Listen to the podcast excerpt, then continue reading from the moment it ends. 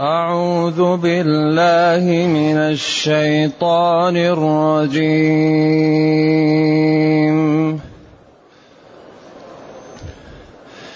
بسم الله الرحمن الرحيم.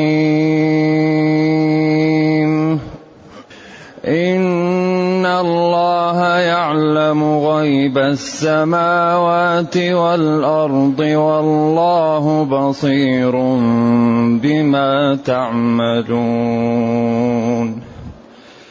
أعوذ بالله من الشيطان الرجيم. بسم الله الرحمن الرحيم.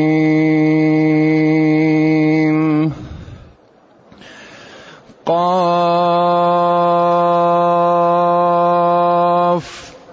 والقرآن المجيد. بل عجبوا أن جاءهم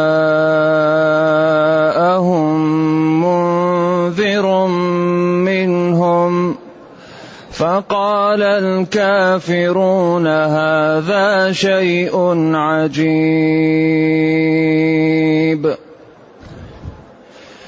أإذا متنا وكنا ترابا. أإذا متنا وكنا ترابا ذلك رجع بعيد. قد علمنا ما تنقص الأرض منهم قد علمنا ما تنقص الأرض منهم وعندنا كتاب حفيظ بل كذبوا بالحق لما جاءهم فهم في أمر مريج. أفلم ينظروا السماء فوقهم أفلم ينظروا إلى السماء فوقهم كيف بنيناها كيف بنيناها وزيناها وما لها من فروج. والأرض مددناها وألقينا فيها رواسي وأنبتنا وأنبتنا فيها من كل زوج بهيج تبصرة وذكرى لكل عبد منيب. ونزلنا من السماء ماء مباركا فأنبتنا به جنات وحب الحصيد والنخل باسقات لها طلع نضيد. رزقا للعباد رزقا للعباد وأحيينا به بلدة ميتا. وأحيينا به بلدة ميتا كذلك الخروج. كذبت قبلهم قوم نوح وأصحاب الرس وثمود. وعاد وفرعون وإخوان لوط وأصحاب الأيكة وقوم تبع وأصحاب الأيكة وقوم تبع كل كذب الرسل كل كذب الرسل فحق وعيد. أفعينا بالخلق الأول أفعينا بالخلق الأول بل هم في لبس من خلق جديد. الحمد لله الذي أنزل إلينا أشمل كتاب وأرسل إلينا أفضل الرسل وجعلنا خير أمة أخرجت للناس. فله الحمد وله الشكر على هذه النعم العظيمة والآلاء الجسيمة والصلاة والسلام على خير خلق الله وعلى آله وأصحابه ومن اهتدى بهداه. أما بعد فإن هذه السورة من السور المكية باتفاق وتسمى سورة قاف. وورد غير مسند سورة الباسقات لقوله والنخل باسقات. لكن لا يسند هذا وإنما ورد في كتب علوم القرآن. وهي من السور المبدوءة بالحروف المقطعة. وبعض السور تبدأ بحرف واحد كقاف ونون وصاد وبعضها يبدأ بحرفين كحاميم وبعضها يبدأ بثلاثة. ألف لام ميم صاد. وبعضها يبدأ بأكثر من ذلك. وهذه الحروف قال بعض العلماء إنها من المتشابه. وذلك يقولون قاف الله أعلم بمراده بها. وقال بعض العلماء إنها ليست من المتشابه. واختلفوا في بيانها إلى أكثر من ثلاثين قولا. وقد وضح الوالد رحمه الله ورحم علماء المسلمين ذلك في أول سورة هود. عند قوله تعالى ألف لام را كتاب أحكمت آياته. قال لأن هذا أقوى شيء لدلالة الإعجاز. فتعدى البقرة وآل عمران وبين في أول سورة هود لأن الدلالة على ما يريد أن يرجحه أقوى هنا. كتاب أحكمت آياته. ثم فصلت. وأقرب شيء يقال إن هذه الحروف جاءت لا يراد بها تركيب ولا معنى وإنما جاءت يراد بها الإشارة إلى إعجاز القرآن وأن العرب مع قوتهم في اللغة والبيان وفهمهم لذلك عجزوا أن يأتوا بمثل القرآن. ولذلك كل ما جاءت هذه الحروف يأتي التنويه بعدها بالقرآن والاستقراء حجة. وبالأخص إذا كان تاما. كل ما جاء التنويه بالق... جاءت هذه الحروف يأتي التنويه بعدها بالقرآن. أما البسملة فتكررت كثير والخلاف فيها معروف. قاف ومنهم من قال هذه الحروف جاءت عندما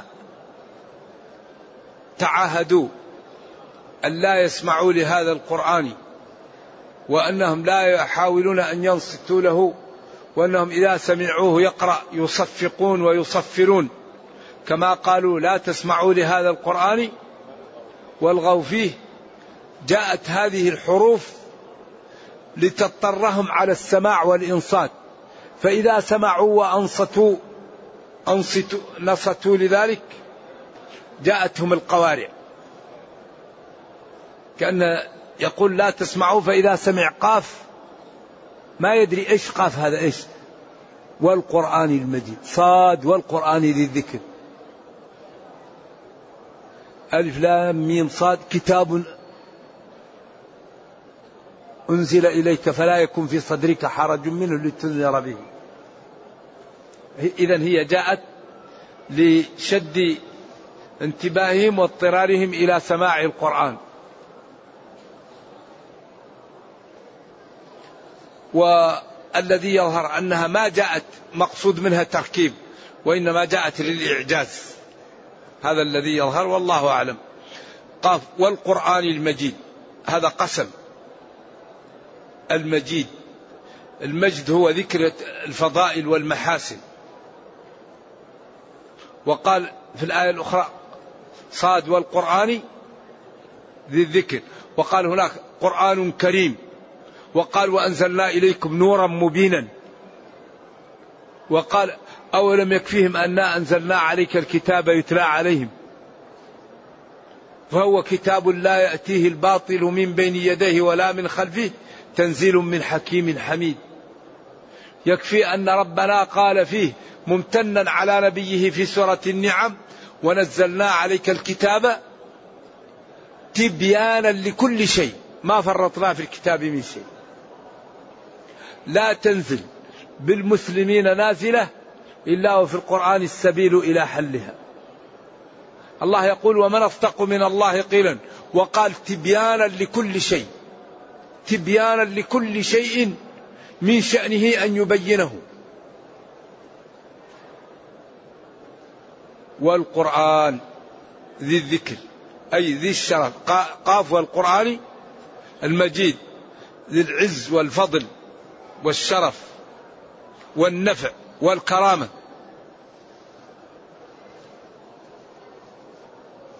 بعدين اختلفوا أين جواب القسم؟ قاف والقرآن قاف والقرآن المجيد. ذهبوا كل مذهب. بعضهم قال يعني الجواب بل عجبوا وبعضهم قال بعد قد علمنا ما تنقص الأرض منهم وبعضهم قال الجواب محذوف. دل عليه بل عجبوا أن جاءهم. إنكم لمجازون ولمبعوثون. قاف والقرآن المجيد. إنكم لمجازون ولمبعوثون. ولتعلمون الحقائق التي تكذبون بها. لذلك دل عليه هذا و ونفس ما في صاد هو نفس ما في قاف. ولذلك قرآن متشابه. صاد والقرآن ذي الذكر بل الذين كفروا.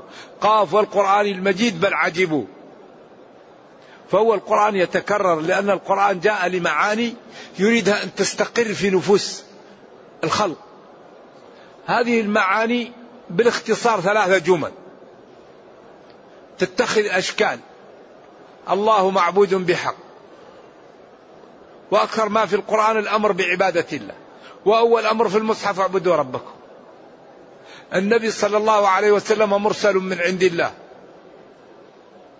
وأرسلناك للناس كافة وما ينطق عن الهوى. لقد جاءكم رسول من أنفسكم عزيز عليه ما عنتم حريص عليكم. الآية. وأوعد المكذب به النار ووعد المصدق به الجنة. هذه الجمل الثلاثة تتخذ مئات الأشكال في هذا القرآن. لكن هذه الجمل الثلاثة هي اللي يدور عليها القرآن. الله معبود بحق ومحمد صلى الله عليه وسلم مرسل من عند الله ووعد المصدق به الجنة وأوعد المكذب به النار. هذه هذه الجمل أحيانا يأتي إثباتها عن طريق الأحكام وجمالها وحسنها. فمن شهد منكم الشهر فليصمه. أحل الله البيع وحرم الربا. إلا أن تكون تجارة عن تراض منكم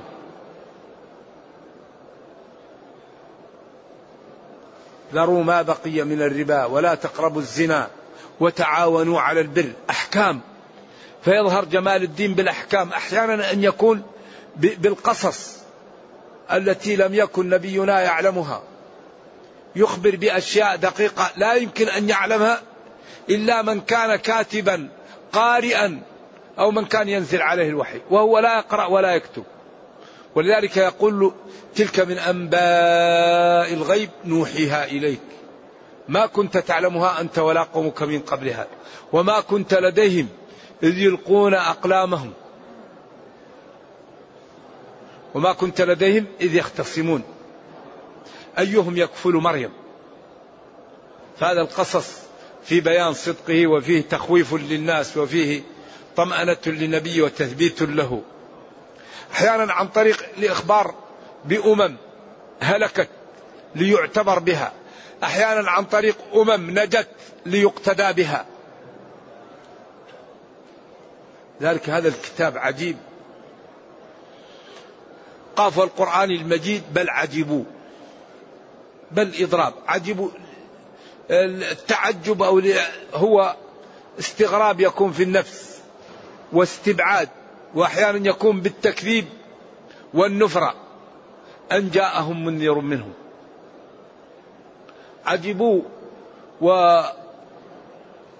واستغربوا أن جاءهم منذر منهم أن جاءهم رسول من جنسهم.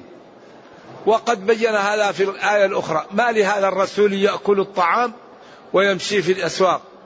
قال وما أرسلنا قبلك من المرسلين إلا إنهم ليأكلون الطعام. وقال ولو جعلناه ملكا لجعلناه رجلا وللبسنا عليهم ما يلبسون. أن جاءهم بأن جاءهم أو لأن جاءهم أتاهم. منذر منهم رسول ينذرهم. ويخوفهم ما هم عليه من الكفر والضلال والتكذيب. فقال الكافرون هذا شيء عجيب. إذا يقسم الله جل وعلا أن الكافرين في ضلال وأنهم يعني لو استغربوا مما جاءهم وقالوا إن هذا لشيء عجيب يرسل الله الرسول. وأنهم قالوا أئذا متنا وكنا ترابا ذلك رجع بعيد. هنا خوفهم وهددهم. وأنذرهم إنذار وتهديد وتخويف في أسلوب رائع وجميل. ذلك هذا الكتاب لا يمكن أن يقاوم. إلا بأحد أمرين.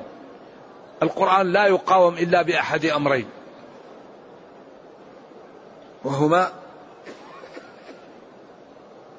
يقول التجهيل أو التكميم. القرآن يقاوم بأن يجهله أهله أو يمنعوا من بيانه. أما إذا فهم المسلم القرآن وبينه لازم كل الناس تذعن شاءت أم أبت. لأن الأدلة والحجج والبراهين تذعنهم من غير أن يكون لهم في ذلك طريق للرد. إذا بأن جاءهم منذر رسول منذر لهم فقال الكافرون. قال الكافرون هذا شيء عجيب لأجل مجيء الرسول لهم الفاء تفريعية. أئذا متنا وكنا ترابا. ذلك رجع بعيد.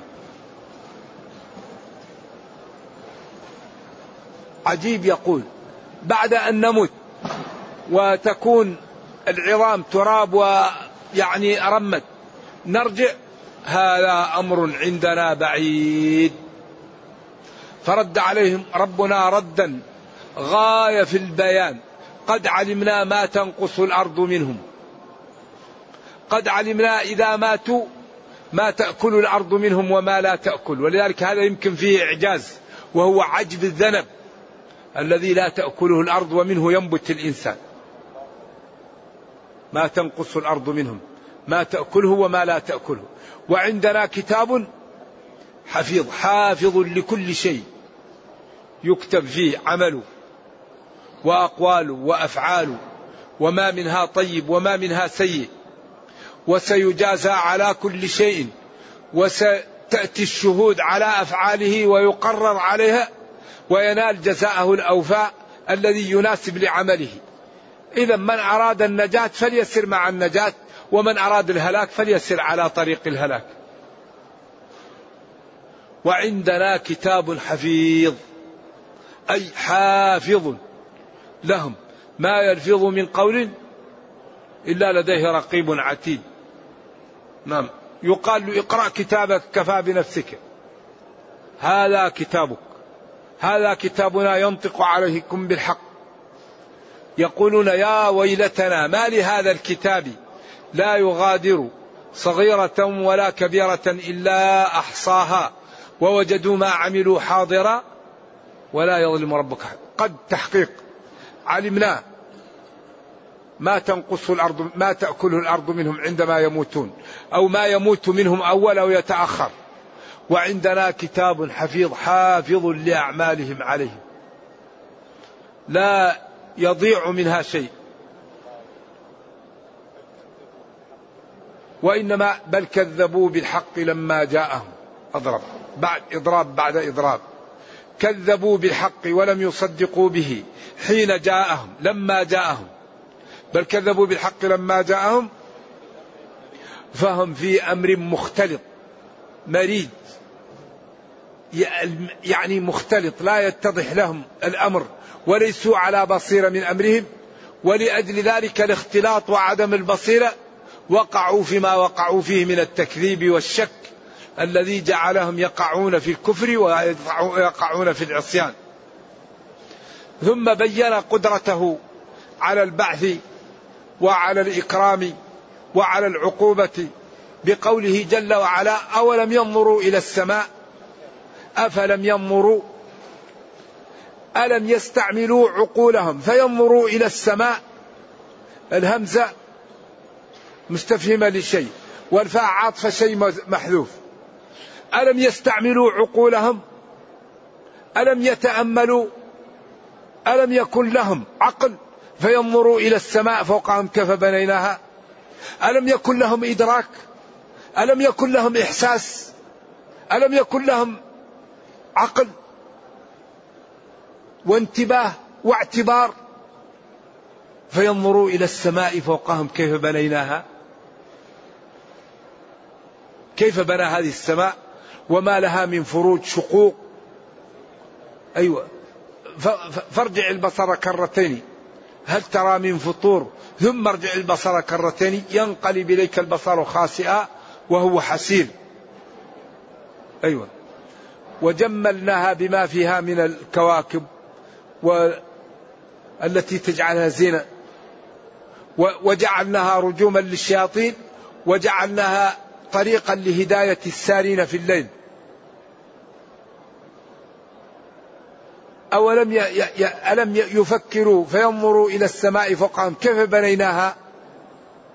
كيف هذه السماء وهذه القبة الكبيرة التي لا ترى عمد ترفعها؟ وهذه النجوم الجميلة فيها. وزيناها بما فيها من النجوم وبما فيها من الزرقة الجميلة. وما لها من فروج لا تجد فيها شقوق. والأرض مددناها بسطناها وأنبتنا فيها وألقينا فيها رواسي جبال لئلا تنقلب أو تتحرك على القول في تميدة. والأرض مددناها بسطناها وألقينا فيها رواسي. الجبال أوتاد. كل جبل اللي تحت الأرض منه أضعاف ما هو فوق. الجبال هذه أكثر من نصفها في الأرض. وجعلنا في الأرض رواسي أن تميد بكم. وجعلنا فيها فجاجا طرق وسبلا. وجعلنا السماء سقفا محفوظا. وجعلنا الأرض فيها ماء.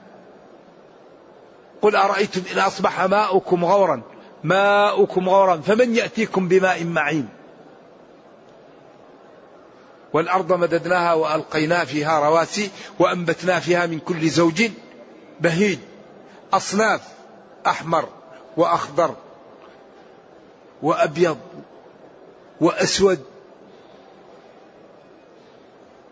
ولذلك آية الرعد ترد على الملحدين ردا لا جواب له. لأن الذي يقول أن بعض الثمار جيد وبعض الثمار غير جيد يقول سببه الماء أو التربة أو المناخ. إذا كان المناخ جيد والتربة جيدة والماء جيد يطلع الثمر جيد. وإذا قل شيء من هذه يطلع الثمر غير جيد.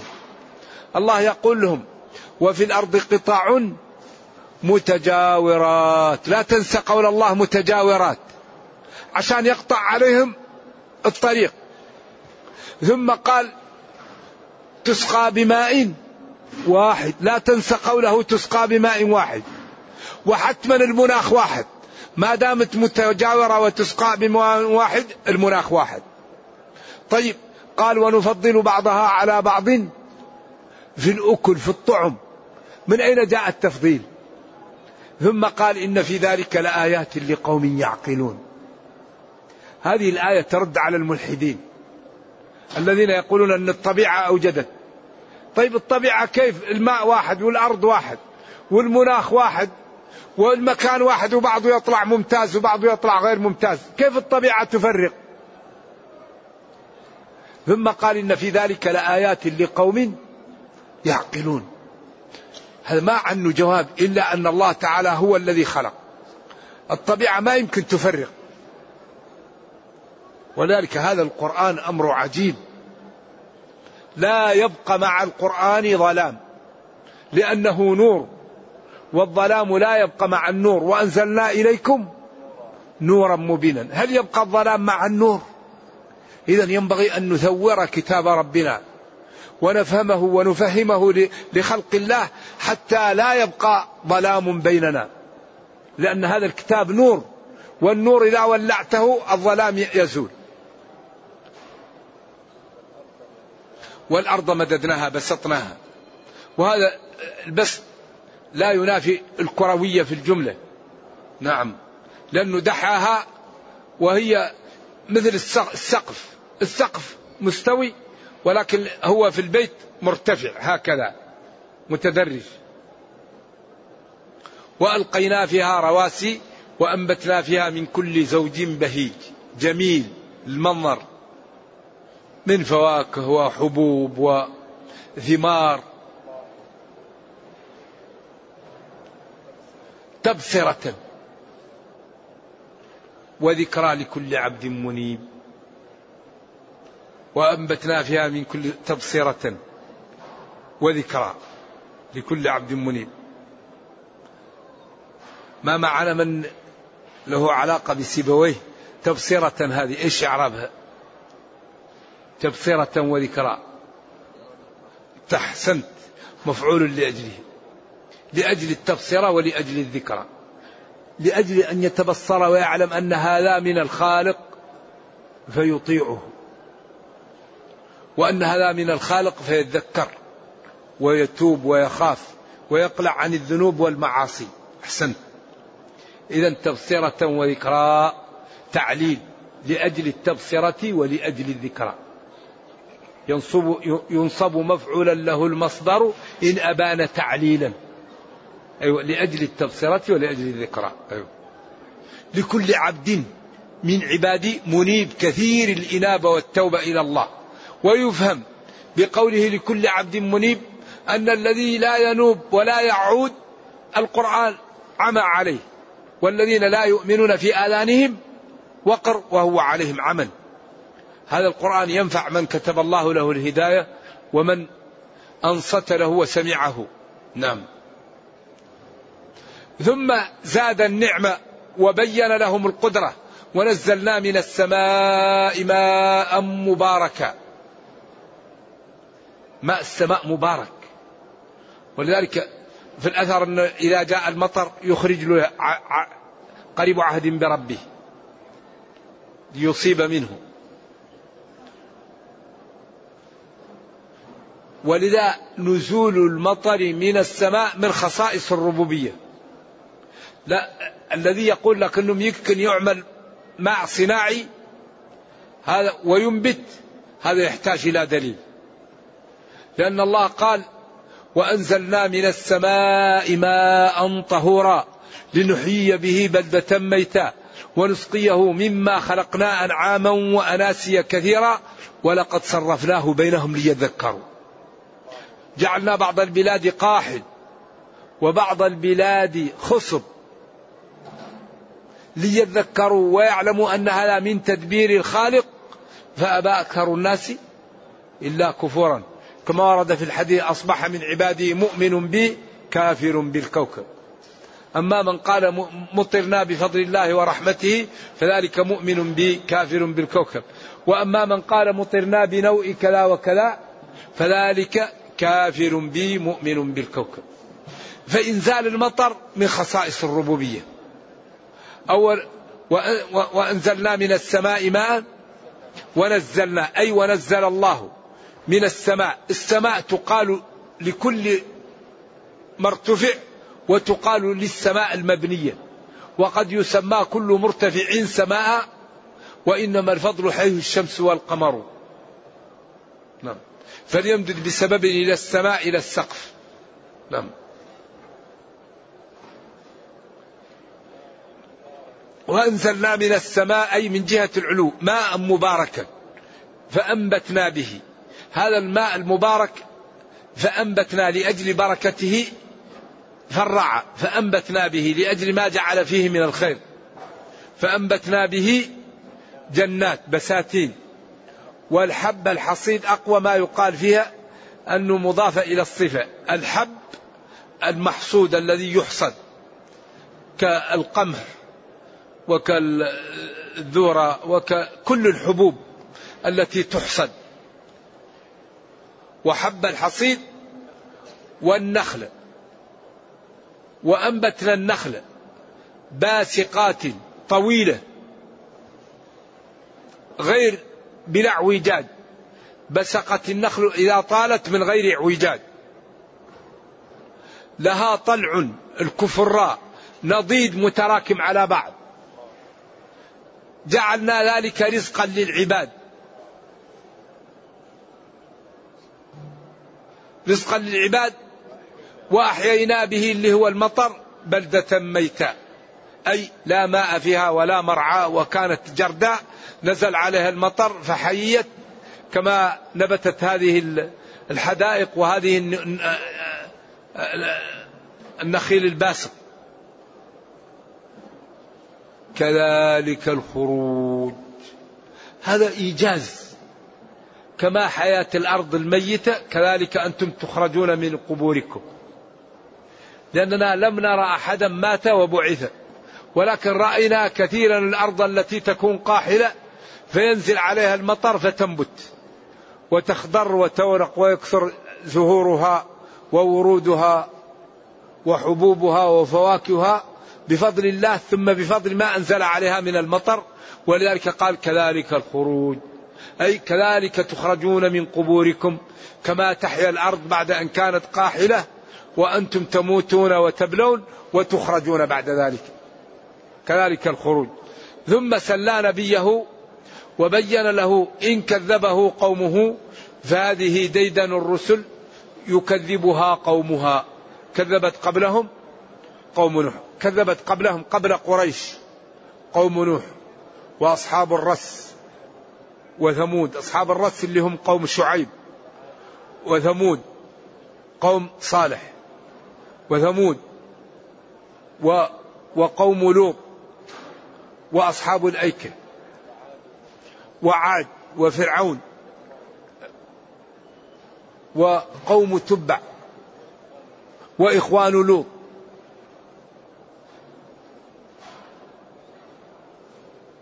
كل الرسل اللي جاءت قبله كذبها قومها. إذا اطمئن واعلم أنك إن كذبت فهذه سبيل الرسل يكذبها قومها.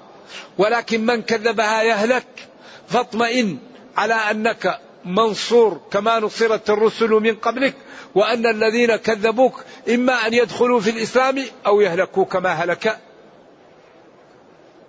من قبلهم. وقوم تبع الظاهر أنه تبع هذا يقال كان نبيا. وكذبه قومه وكانوا لهم حضارة كبيرة في اليمن. ولذلك قال لقريش أهم خور أهم خير أم قوم؟ تبع. كل هؤلاء كذب الرسل فحق وعيد فأهلكناهم. وأصحاب ليك هم أصحاب الرس هناك. نعم تكرر. لأنه أرسل لقوم الرس وللأيكة. هذا جاءتهم الظلة وهذا جاءتهم إيش؟ كلهم جاءه عذاب. كل كذب الرسل هؤلاء جميعا فحق وعد فحق الهلاك عليهم. ثم بين سهولة البعث عليه كما قال أفعينا بالخلق الأول؟ فكيف نعيا بالخلق الثاني كما قال يحييها الذي أنشأها أول مرة؟ بل هم في لبس من خلق بل هم في شك ولبس من أن يخلقوا خلقا جديدا والخلق الأول أصعب من الخلق الثاني. ولقد خلقنا الإنسان والله لقد خلقنا الإنسان. ونعلم ما توسوس به نفسه ونحن أقرب إليه من حبل الوريد. فإن أطاع واستقام فذلك نجاته ومصلحته. وإن استمر على الكفر والضلال فذلك هلاكه لنفسه. ولقد خلقنا الإنسان ونعلم ما توسوس به نفسه. خطرات القلب الله يعلمها. ونحن أقرب إليه من حبل الوريد. هذا الحبل الذي هو العرق الكبير الذي يصل من الرقبة إلى القلب.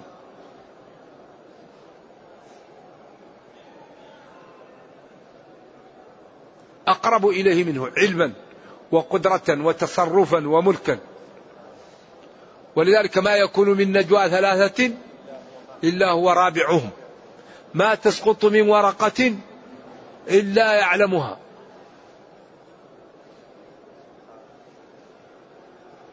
اذكر حين يتلقى المتلقيان وهما الملكان عن اليمين وعن الشمال قعيد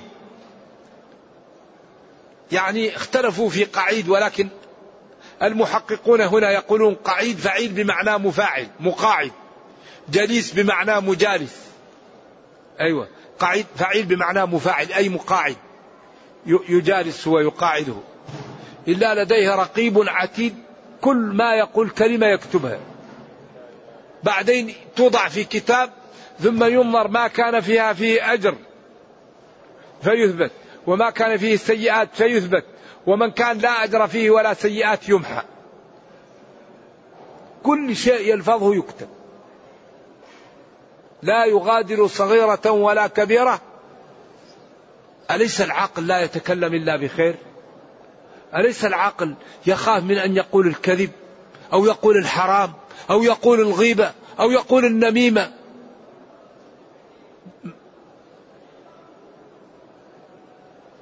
ما يلفظ من قول إلا لديه رقيب عتيد.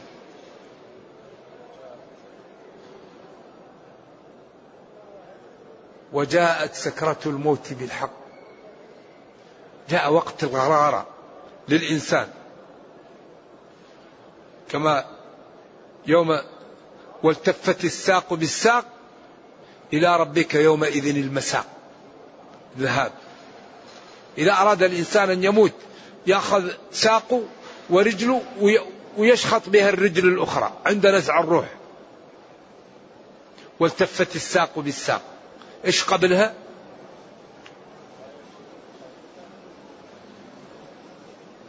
إلى ربك يومئذ المساق.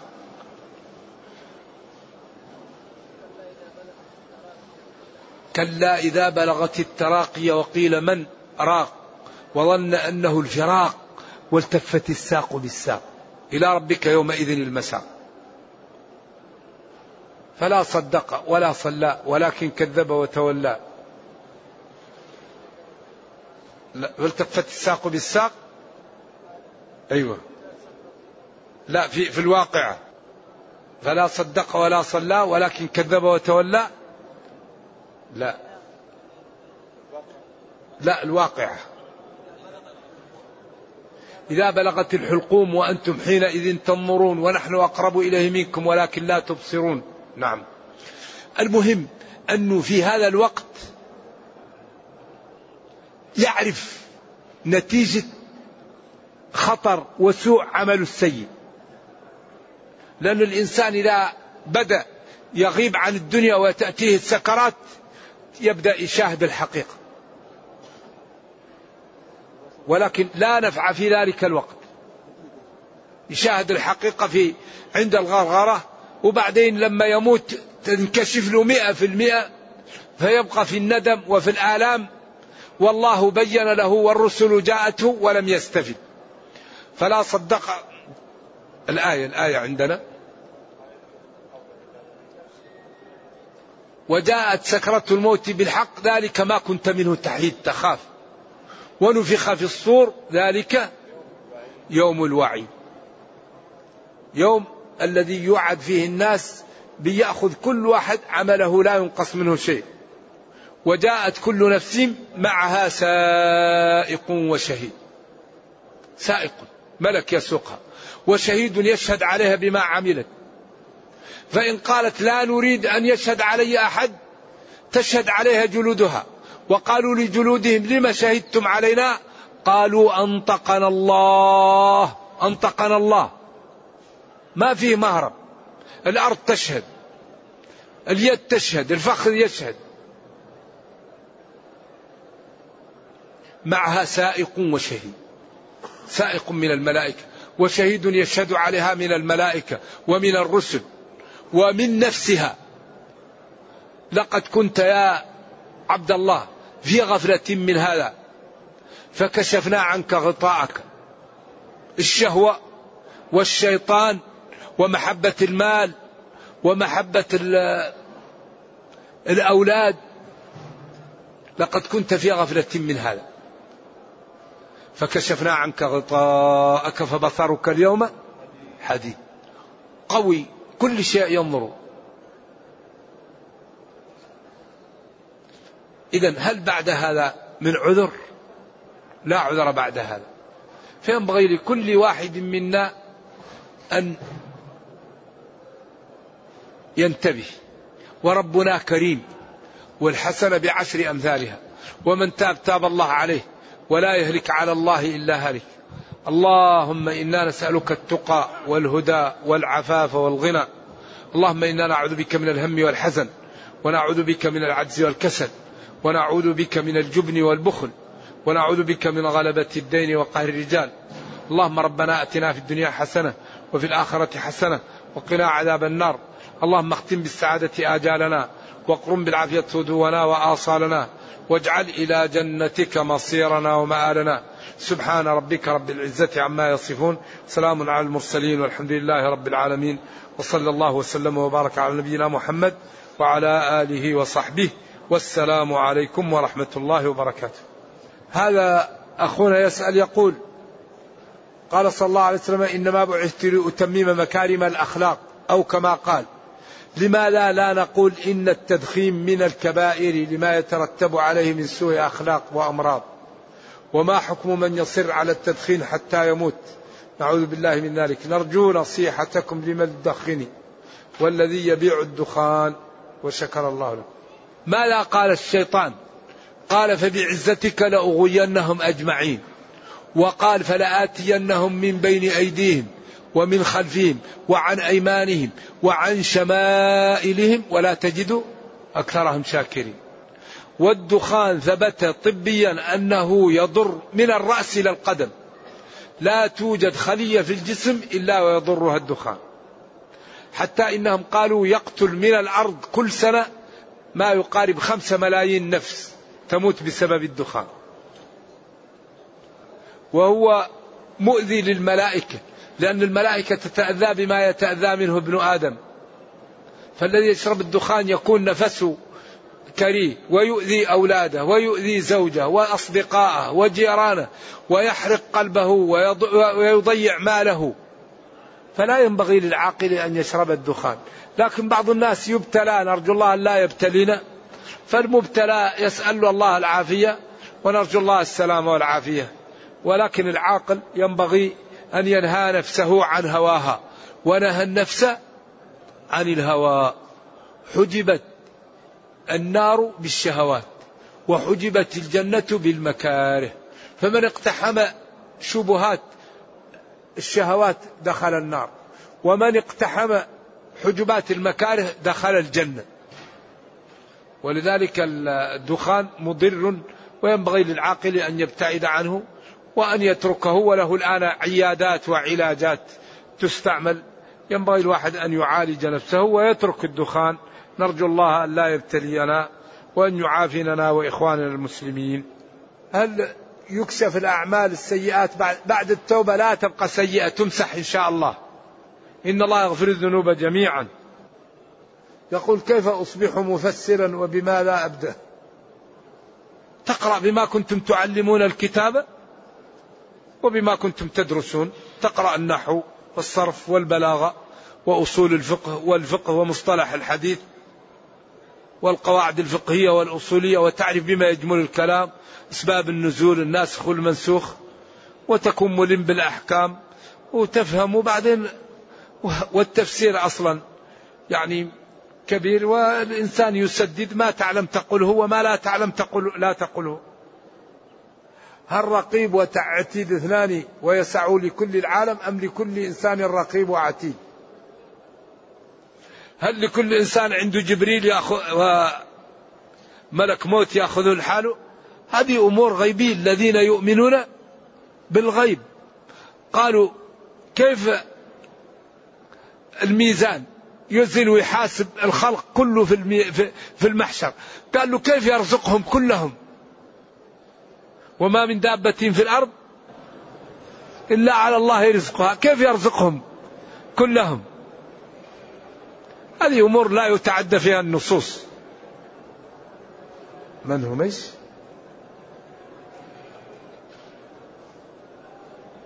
منهم الأنباط؟ وهل كانوا يعيشون في مدائن صالح وهل كانوا؟ هذا قوم صالح هم الذي كانوا ينحتون من الجبال الأنباط أظنهم كانوا في العراق. من هم أهل التحقيق من المفسرين؟ بن جرير الطبري الحافظ بن كثير البغوي. أيوة هؤلاء كلامهم يعني ومن المتأخرين الوالد والسعدي والقاسمي. نعم. فيه ناس علماء يتمسكون بأقوال السلف وبالنصوص وفيه ناس علماء فضلاء لكنهم يقعون في بعض الأخطاء. أيوة، فهم علماء لكنهم أخطأوا في بعض المسائل لكن الحافظ بن كثير والبغوي الحافظ البغوي وابن جرير هؤلاء كتبهم مباركة حقيقة وأخطاء فيها قليلة جدا. نعم. يكفي هذا. ما فضل قيام الليل وما أفضل وقت؟ فضل قيام الليل عجيب لأنه أولا يجعل الإنسان إذا كان من أهل القرآن يكون القرآن جيد عنده لا يخطئ فيه إذا كان يقوم بالقرآن كله. ويكثر الحسنات ويمتع النفس ويجمل الإنسان ويجعله يصبح نشيطا. وأفضل وقت لقيام الليل في ثلث الليل الأخير. هذا أفضل فإن كان لا يستطيع أن يقوم يصلي في أي وقت ويصلي ما شاء. وأفضل شيء أن يصلي في الليل بإحدى عشرة ركعة. وإذا صلى بأي شيء من الليل يكون قام الليل. وربنا كريم.